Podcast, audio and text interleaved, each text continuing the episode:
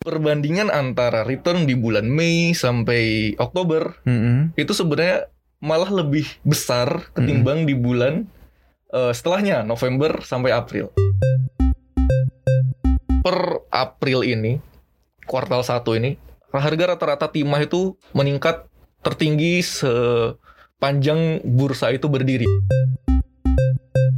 Karena faktor-faktor ekonomi dan corona Hmm. bisa saja eh, beralihnya eh, orang-orang ke kripto itu jadi alasan bahwa ya apa bulan Mei ini eh, IHSG bisa lesu masih lesu lagi gitu. Paham Pantauan Saham. Makin paham makin cuan.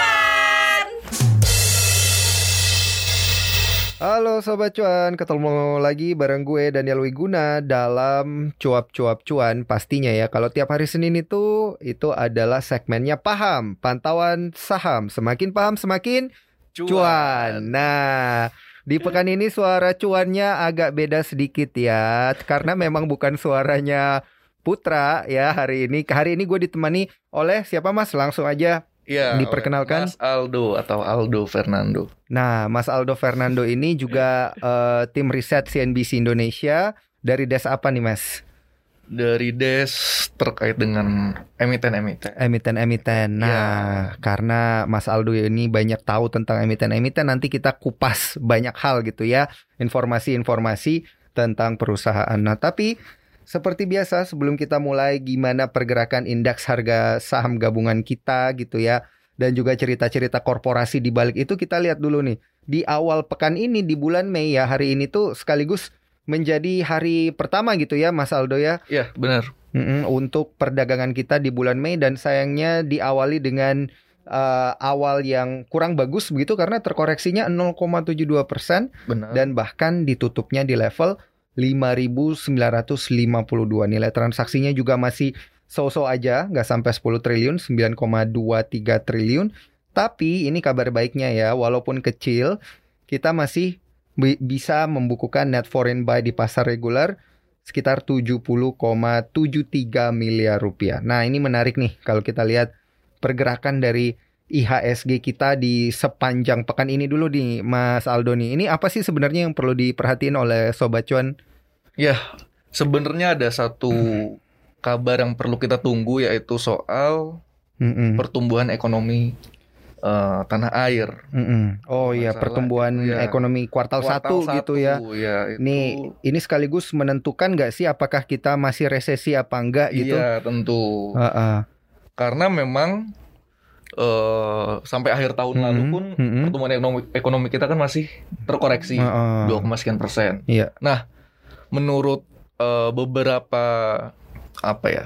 Katakanlah prediksi gitu. Mm-mm. Untuk kuartal satu ini juga masih akan resesi. Hmm. Dalam arti masih minus. Heeh. Nah, penyebabnya tentu masih terkait dengan eh, dampak negatif dari pandemi COVID-19 ini sendiri. Heeh. Walaupun tentu pemerintah udah mem- memberikan sejumlah stimulus ya kan dari Heeh. akhir tahun lalu sampai sekarang ini dari mulai di sektor eh, otomotif, di Mm-mm. sektor perbankan Mm-mm. dan lain-lain itu termasuk selain pemerintah ya lembaga-lembaga yang terkait otoritas seperti Bank Indonesia dan lain-lain. Hmm. Tapi nampaknya masih belum bisa balik lagi nih ke zona hijau atau ke eh, meninggalkan resesi. Nampaknya masih masih masih, Masih tetap, tetap. itu ya kita ada pada rentang resesi. Nah, Iya. ini eh, udah dari lembaga-lembaga yang melakukan riset ini udah ada belum nih yang memproyeksi kita itu eh, berapa gitu pertumbuhan ekonominya diproyeksikan sama kapan nih kita bisa lepas dari jerat resesi ini sebenarnya nih. Iya, sebenarnya ada beberapa ya yang Mm-mm, kita mm-mm. coba kompilasi dari beberapa lembaga swasta, terutama Mm-mm. misalnya perbankan tanah air, Heeh. seperti misalnya Bank Danamon. Bank Ha-ha, Danamon ha-ha. itu memproyeksikan secara kuartal per kuartal minus 1,85. heeh. Sedangkan pertumbuhan ekonomi secara tahunan atau Mm-mm. year on year itu masih minus 1,63. Oh, itu dari berarti- Bank Danamon. Berarti 2021 ini masih Iya. minus ya kita masih ya minus. secara keseluruhan. Iya. Oke. Atau ambil contoh lain Ha-ha. seperti misalnya dari lembaga luar seperti Ha-ha. Standard Chartered atau Ha-ha. Stanchart. Heeh. Eh, menurut Stanchart masih minus 1,39 kuartal per kuartal. Hmm. Sedangkan secara tahunan masih juga minus 1,65 Dari data sejumlah data yang ada, eh, CNBC merangkum secara median Heeh. kita masih minus 1,09 persen Hmm. secara kuartal dan minus sat- 0,87 persen secara Mm-mm. tahunan. Jadi secara Mm-mm. tahunan dibandingkan dengan periode yang sama tahun yang lalu Mm-mm. itu masih minus 0,87 persen. Hmm, Dan gitu. diprediksi mungkin bakal bisa merangkak lagi ke atas pa- per kuartal 2 mungkin ya. Hmm. Kalau kita coba simak dari obrolan-obrolan atau dari analisis-analisis yang ada. Hmm, gitu ya. Di Ya. kuartal kedua berarti masih harus ngelihat gitu ya eh, gimana pertumbuhannya. Nah, kalau kita lihat juga selain eh, pasar menantikan eh, gimana sih pertumbuhan ekonomi kita nanti ini di kuartal satu, ada hal lain gak nih yang dinantikan oleh pasar gitu di sepanjang pekan ini? Di sepanjang pekan ini terutama soal itu, Tetap- tetapi Mm-mm. mungkin di faktor eksternal atau Mm-mm. sentimen eksternal tentu pasar masih ingin melihat soal kemajuan dari kasus dari COVID Hmm, di India di yang India, dikatakanlah dalam tanda kutip tsunami COVID. Nah Iya. itu juga menyedot perhatian pasar ya. iya. Mm-mm. Selama Waduh. beberapa hari terakhir dan mungkin sampai beberapa Mm-mm. pekan atau hari ke depan. Mm-mm. Selain itu juga mungkin ada beberapa sentimen lain terkait dengan meningkat ada ancaman meningkatnya inflasi di Mhm. negeri Paman Sam Amerika Mhm. Serikat dan diduga apabila inflasi naik itu akan membuat capital outflow atau mungkin dana keluar dari Mm-mm. saham. dari Indonesia Dari- gitu dari juga Indonesia. ya. Heeh. karena mungkin biasanya apa ada pengaruh yang secara tidak langsung. Mm-mm. Misalnya jika di Amerika Serikat apabila inflasi naik Mm-mm. nanti ditakutkan suku bunga naik Mm-mm. karena jika apa jika ekonomi sudah membaik Mm-mm. the Fed Bank Sentral Amerika bakal mulai pede untuk melong Hmm. apa mengetatkan kembali tapering gitu ekonomi. ya yang, di- nah, yang ditakutkan. ditakutkan Mm-mm. seiring dengan meningkatnya suku bunga Mm-mm. nanti pemerintah itu akan mengurangi porsi pembelian obligasi atau yang Mm-mm. disebut dengan tapering. Mm-mm. Nah, itu yang mungkin masih menjadi perhatian pasar global ya dan Mm-mm. dalam arti Mm-mm. tertentu, dalam derajat tertentu bakal mempengaruhi eh, in- apa psikologi investor di dome- pasar Mm-mm. domestik juga gitu. Hmm, Nah, tapi kalau yang di pasar global ini kan kemarin banyak yang menanti-nantikan nih Joe Biden nih memberlakukan pajak investasi gitu yang mau Ya. dinaikin. Nah, itu udah sampai sejauh mana sih nih Mas Aldo? Apakah kita masih bisa berharap gitu itu ditekan Joe Biden? Jadi kan kalau pajak investasi gede di sana bisa aja nih kita di Indonesia nih dapat percikan-percikannya begitu ya. Kelebihan capital outflow masuk ke kita gitu karena kan kita pajak investasinya nggak gede-gede amat. iya benar, sebenarnya itu bisa jadi kemungkinan juga ya. Mm-mm. Tetapi selain itu juga tentu mempertimbangkan terkait dengan eh, imbal hasil dari Hmm, US Treasury. US Treasury itu sendiri. Mm. Dalam arti jika kita spreadnya semakin dekat, itu pasti investor lebih suka apa, memilih US Treasury ketimbang. SBN kita. Mm-mm. Jadi tentu masih ada hubungannya ya antara itu. Mm-mm. Tentu eh, investor akan melihat mana nih kelihatan yang Mm-mm. lebih apa memungkinkan untuk dimasuk dimasuki begitu. Mm-mm. Antara saham kita kah Mm-mm. atau malah US Treasury atau saham di negeri-negeri Mm-mm. luar termasuk Paman Sam. Nah, ini menarik nih kalau kita ngelihat dari pergerakan pasar domestik kita eh, sendiri nanti seperti apa. Dan juga yang menarik perlu diperhatikan adalah ini COVID India ya emang ya. Karena CNBCindonesia.com juga tadi sempat menulis memang bahwa sudah ada yang masuk nih katanya nih. COVID dari India katanya yang eh, bermutasi di India itu katanya udah masuk ke Indonesia. Jadi ini sobat cuan ya selain memikirkan cuan jangan lupa memikirkan kesehatan juga ya gitu ya sobat cuan ini. Diperhatikan terus kesehatannya dan juga eh, diperhatikan kondisi keuangannya begitu ya. Karena ini juga udah masuk bulan Mei nih. Tadi sentimen-sentimen mingguannya udah kita jelasin beberapa dan tentunya yang perlu diperhatikan adalah sentimen di bulan ini, di bulan Mei karena setiap tahun ada narasi yang namanya sell in May and go away. Tapi moga-moga tidak go away ya di di bulan Mei tahun ini dan juga nanti akan seperti apa ini yang akan kita diskusikan sama Mas Aldo juga nih. Mas Aldo gimana nih di sepanjang bulan ini, di sepanjang bulan Mei ini apakah akan terjadi nih sell in May lagi nih seperti eh, bulan-bulan Mei sebelumnya. Kalau di pandemi tahun lalu, bulan Mei di 2020 lalu kan ini koreksinya nggak gede-gede amat gitu ya. Ini apakah akan berulang lagi begitu di tahun 2020 ini? Iya, ini menarik istilah yang menarik yang Mm-mm. sering diulang-ulang setiap Mm-mm. bulan Mei ini seperti istilah reguler begitu ya. Mm-mm. Ya secara merujuk secara istilah itu kan sebenarnya itu merujuk pada beberapa tahun atau dekade ke belakang ya. Mhm. Istilah-istilah itu digunakan di Inggris ketika para pemodal atau investor atau Mhm. pedagang kelu- pergi di bulan Mei sampai Oktober Mm-mm. lalu kembali lagi di bulan November atau Mhm. meninggalkan London keluar di bulan tersebut Mm-mm. atau saat summer dan kembali saat winter. Mm-mm. Nah, ini menarik juga karena di dalam pasar modal itu berarti bahwa dalam kurun waktu Mei sampai Oktober tersebut ada kecenderungan, katakanlah begitu. Mm-mm. Eh, return atau cu- cuan katakanlah yang ada di pasar saham itu lebih kecil ketimbang bulan setelahnya November sampai April. Oke. Nah, sebenarnya itu tidak selalu terjadi demikian. Hmm. Eh, memang dalam beberapa kurun waktu tertentu banyak penelitian yang mencoba mencari ko- korelasi adagium tersebut Mm-mm. atau pepatah tersebut. Mm-mm. Memang dalam satu dua tiga oh, satu sampai dua atau tiga mm, literatur atau data yang saya baca memang ada kecenderungan itu. Mhm. Tetapi em, nampaknya akhir-akhir ini tidak selalu demikian. Mm-mm.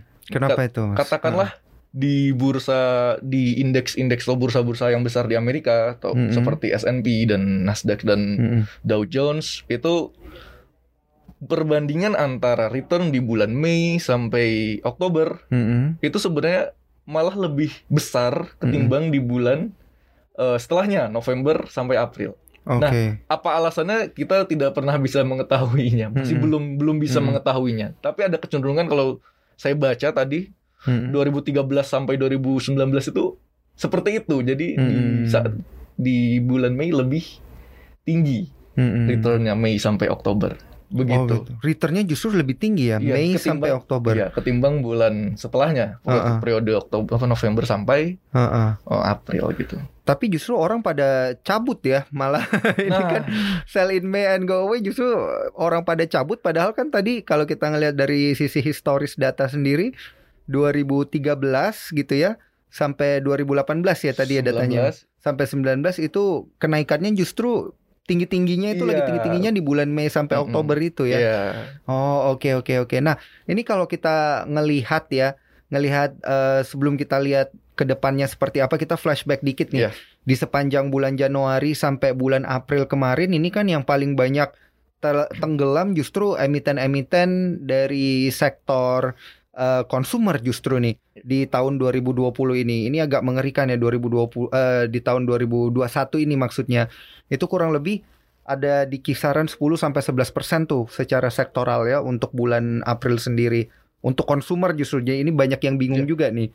Mas, kemudian di eh, selain eh, consumer ada sektor properti juga yang ikut gitu ya. Ada beberapa emiten yang juga udah koreksi cukup dalam di situ ya setelah rally. Nah, kalau di tahun ini bakal seperti apa nih bulan Mei-nya?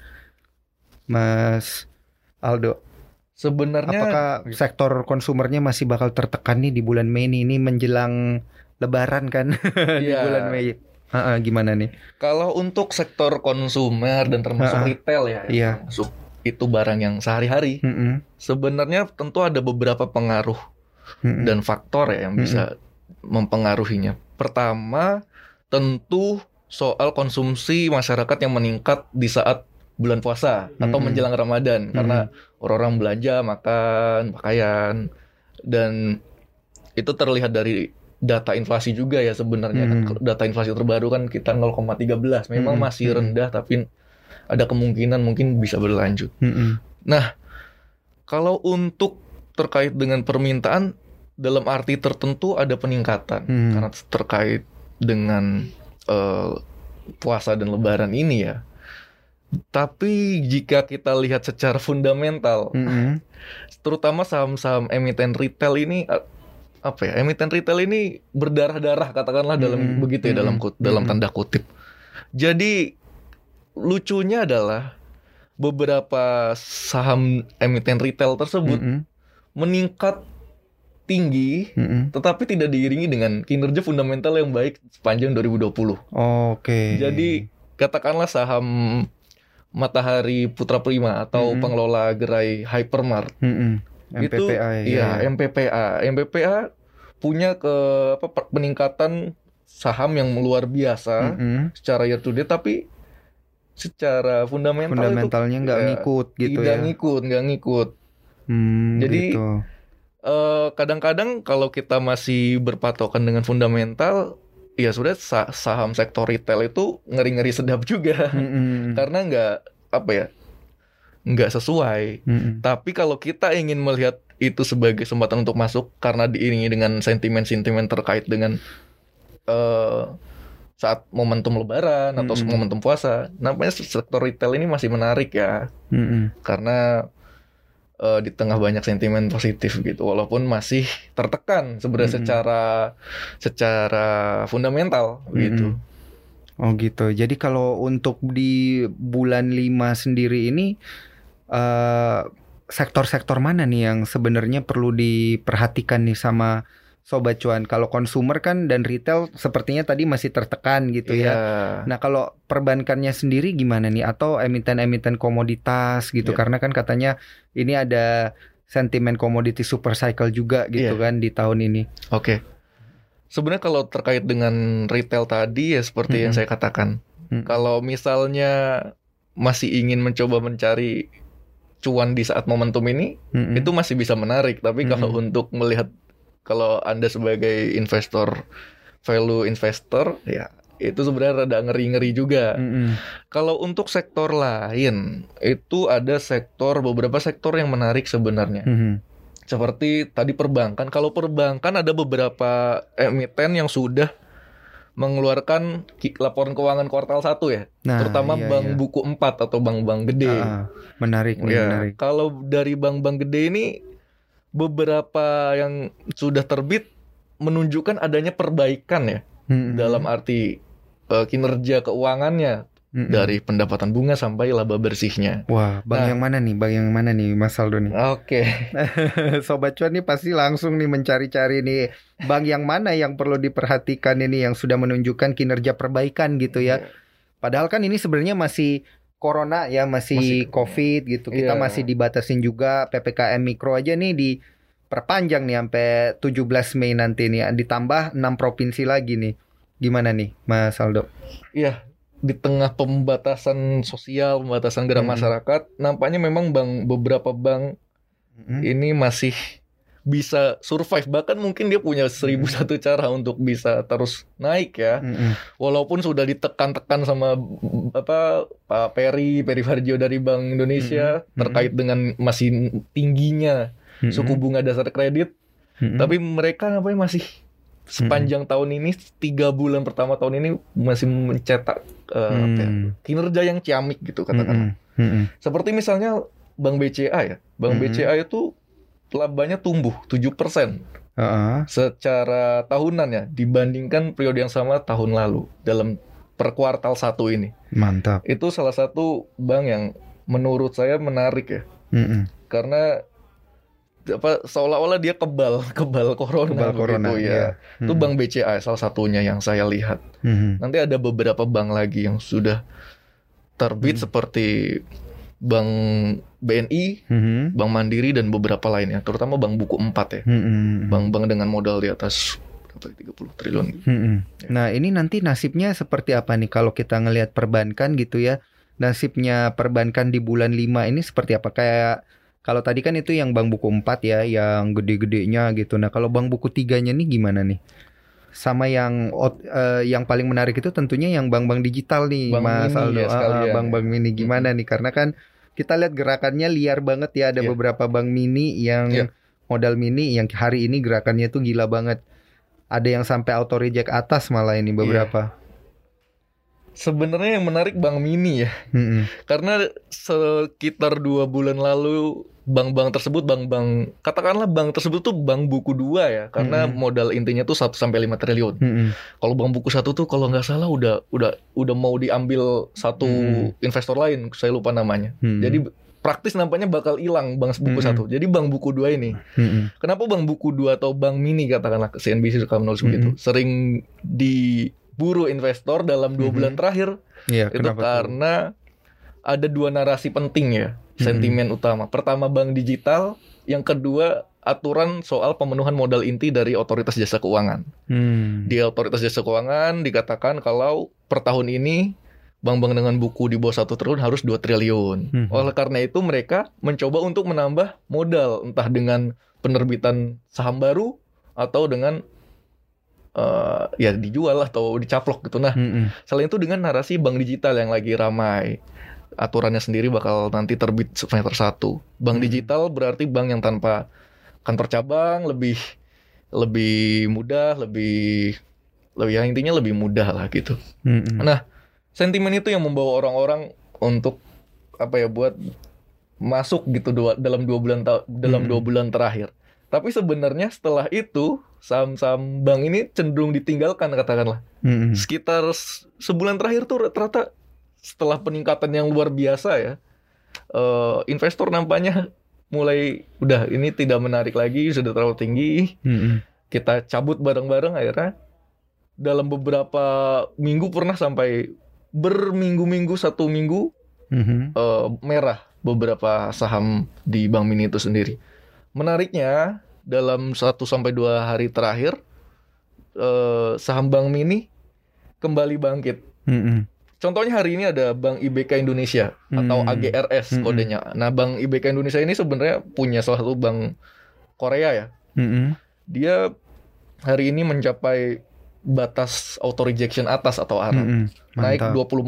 24,85 persen dan kedua tuh ada saham banknya pengusaha Ali Markus Mm-mm. Mas Pion Bank Mas Pion Bank Mas Bemas, Pion mantap. Bemas Mm-mm. Bemas naik 24,83 persen Mm-mm. Sepanjang yang saya tahu Bemas ini salah satu bank mini yang waktu ramai-ramai ditinggalkan dia masih sering dikoleksi Hmm. sama invest- investor-investor Bank Mas Pion ini. Jadi kita bisa lihat selama sebulan terakhir dia masih 213,16 persen pertumbuhannya. Beda misalnya dengan beberapa bank lain seperti BNBA, atau Bank Bumi Arta 45,58 persen minus. Mhm. Jadi B- BNBA itu salah satu bank yang ditinggalkan, tapi seperti Bank Bemas satu dari sedikit bank mini yang masih dikoleksi. Hmm, itu gitu menarik ya. kalau dari bank mini. Nah, berarti eh, beberapa sektor dan beberapa emiten sepertinya masih tetap akan bergerak seperti sedia kala begitu ya Iya. di sepanjang bulan 5 ini. Nah, tapi sebenarnya yang perlu eh, benar-benar perlu diperhatikan oleh para sobat cuan itu apa sih ini nanti di bulan 5 ini ada ada satu stimulus yang benar-benar harus diperhatikan nggak sih ini sama sobat cuan nih di bulan 5 ini? Sebenarnya kalau di bulan 5 ini mungkin Sobat Cuan perlu Hmm. melihat beberapa laporan keuangan yang bakal dirilis ya. Hmm. Terutama laporan keuangan kuartal 1. Mm-mm. Memang ada beberapa perusahaan yang masih belum melaporkan laporan keuangan sepanjang tahun lalu. Hmm.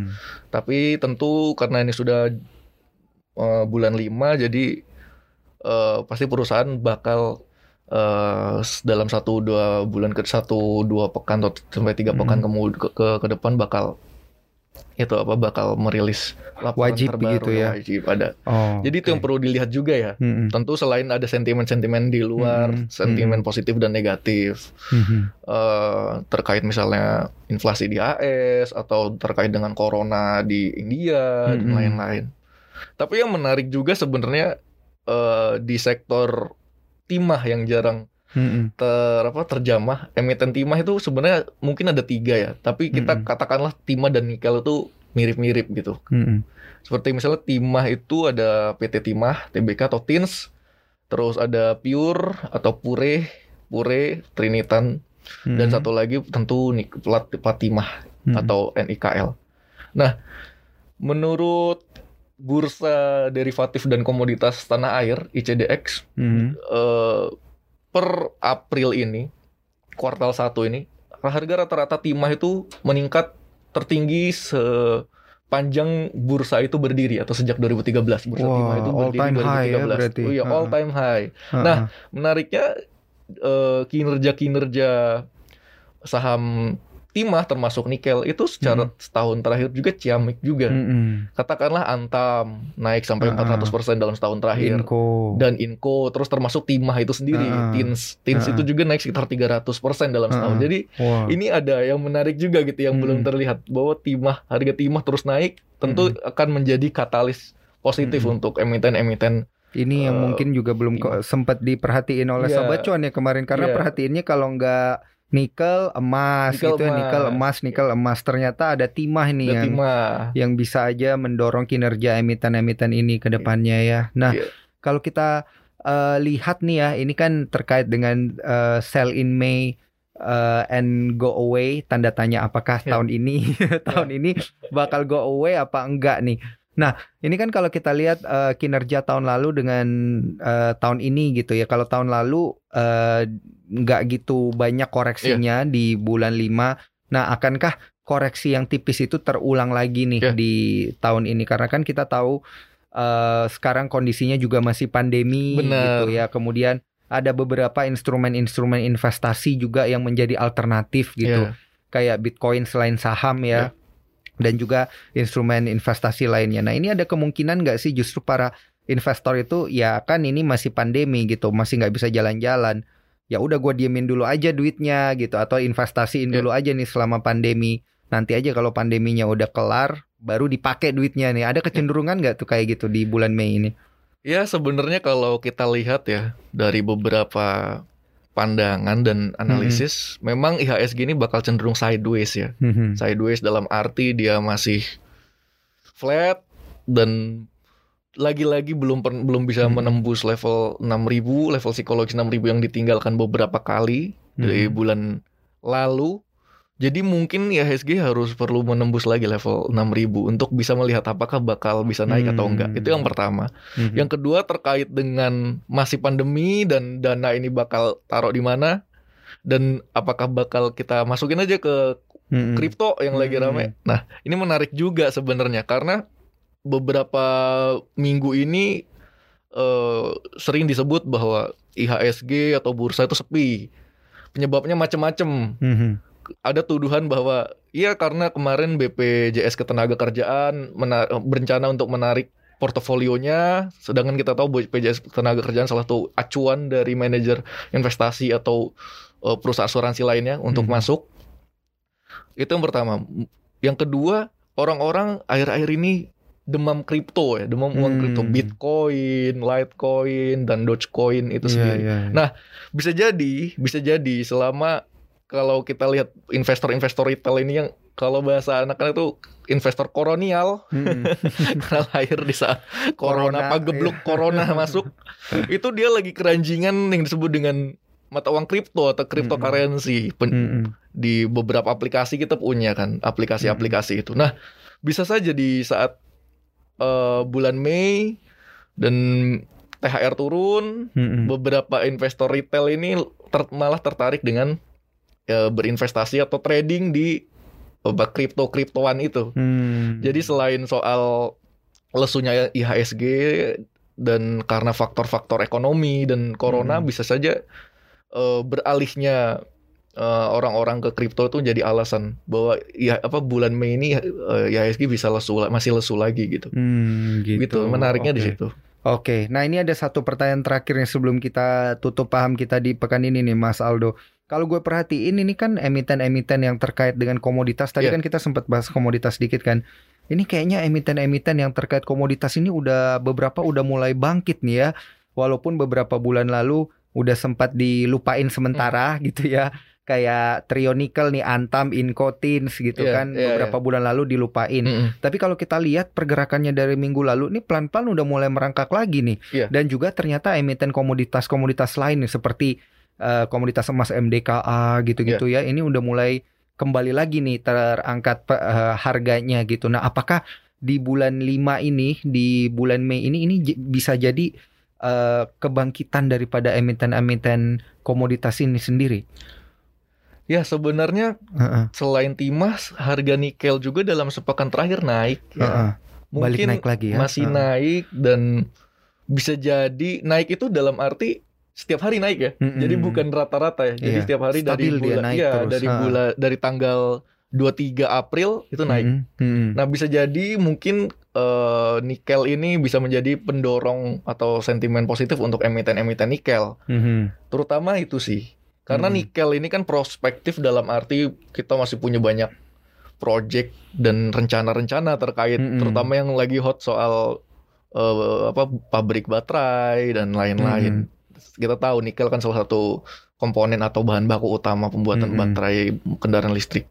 Jadi untuk menurut saya nikel tentu masih menarik ya. Karena Mhm. apalagi biasanya selain nikel satu emiten itu memproduksi eh, komoditas lainnya gitu kan. Mhm. Misalnya Antam dengan nikel ya memproduksi pasti emas karena ininya Mhm. emas, Inco tentu nik- dengan nikelnya dan Harum Harum Energy yang main di batu bara juga sebenarnya dia nyemplung di nikel juga gitu. Mhm. Jadi ini menariknya di situ. Hmm, gitu ya. Jadi emang tetap harus dipantengin ini ya Tetap harus sama dipantengin. sobat cuan juga ya. Benar. Wah ya boleh lah beberapa bulan lalu dilupain tapi coba dilirik-lirik lagi sekarang Iya. gitu ya karena gerakannya udah mulai menarik lagi nih untuk Bener. diperhatikan oleh sobat cuan. Karena juga kita lihat tadi barusan Mas Aldo bilang ada kenaikan di beberapa komoditasnya ya di nikelnya, kemudian di timahnya juga Timahnya ada juga, kenaikan.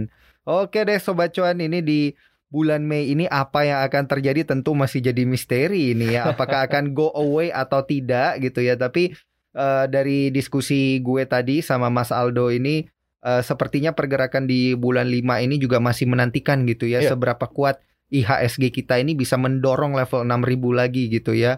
Dan juga seberapa stabil nanti IHSG kita bisa bergerak di atas 6000. Masih kita nantikan ini. Dan tentunya pahamnya tidak berakhir di sini ya. Kita akan ketemu lagi minggu depan. Jadi stay tune selalu tiap hari Senin di Paham Pantauan Saham. Semakin paham, semakin cuan. Ya, bareng gue Daniel Wiguna dan Gue Aldo Fernando. Oke deh, bye sobat cuan. Sampai jumpa minggu depan.